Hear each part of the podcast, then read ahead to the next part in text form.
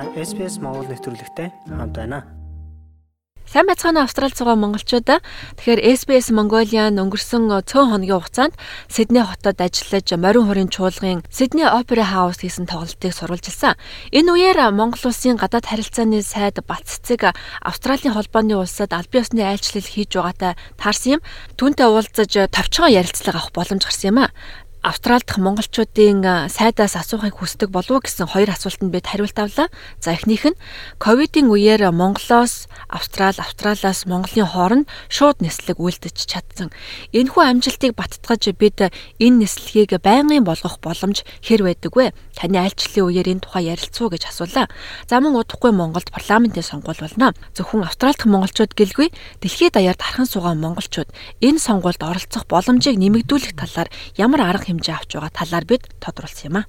Ингээд гадаад харилцааны сайд Баццэгтэй хийсэн товчхон ярилцлагыг хүлээн авч сонсноо.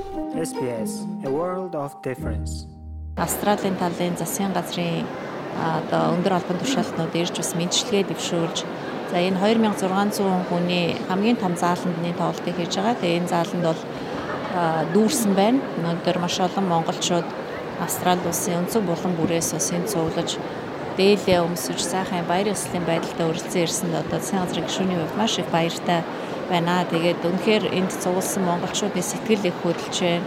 Эх орноо сансан хүмүүсийн бас их догдолж байгаа энэ халуун дулаан уур амьсгалыг мэдрэх бас маш сайхан байна. Тэгээд бид нар урлагаараа бас Монгол улсаа сурчилж байгаа том ажил а хоёрдугаарт Монгол улсын гадаад харилцааны сайдын айлчлалын хүрээнд хоёр улсын одоо харилцааг төвшингийн ахиулах цаашдаа улс төр эдийн засаг бүхий салбарын хамтын ажиллагааг болоо шат э, ахиулах дараагийн 50 жилдээ бид илүү одоо хоёр орондоо хэрэгтэй зүйлүүдийг бүтээн байгуулах, олон том төсөл хөтөлбөрүүдийг хэрэгжүүлэх, за иргэд хоорондын харилцааг бас нэмэгдүүлэх, боловсролын салбар, уул уурхайн салбар, технологийн салбар, эрчим хүчний салбарт бол хамтын ажиллагаагаа ахиулах, төвшингээ ахиулах юм ерөнхий яриа хэлцээлүүдийг бас хийсэн. За энийхээ хүрээнд бид нар бас урлаг соёлын хамтын ажиллагаараа дамжуулж бас э, Монгол улсынхаа сурчлагыг хийх энэ э, одоо ажлыг бас зохион байгуулж энэ хүрээнд энэ морин урын чуулган тоглолтыг бол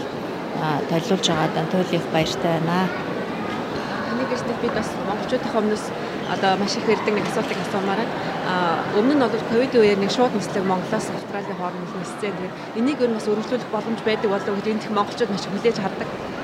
Тийм бид нэр мэдээж орон зай хувьд бол маш хол олон дамжиж нисэж байгаа. Тэгээд Австралийн талтай бид нэр агаарын харилцаа агаарын одоо харилцаа хилцээр хийх тийм ээ асуудлыг бол одоо хүндэрч тавьж байгаа айлын талтай. Ойрын үед бас Монгол тэрэгжүүлэх Австралийн талын өндөр дэд хэмжээний айлчлалын үеэр бас баримт бичиг зурах талаар бид нар гадаад харилцааны хоёр сайд болоос ярьсан.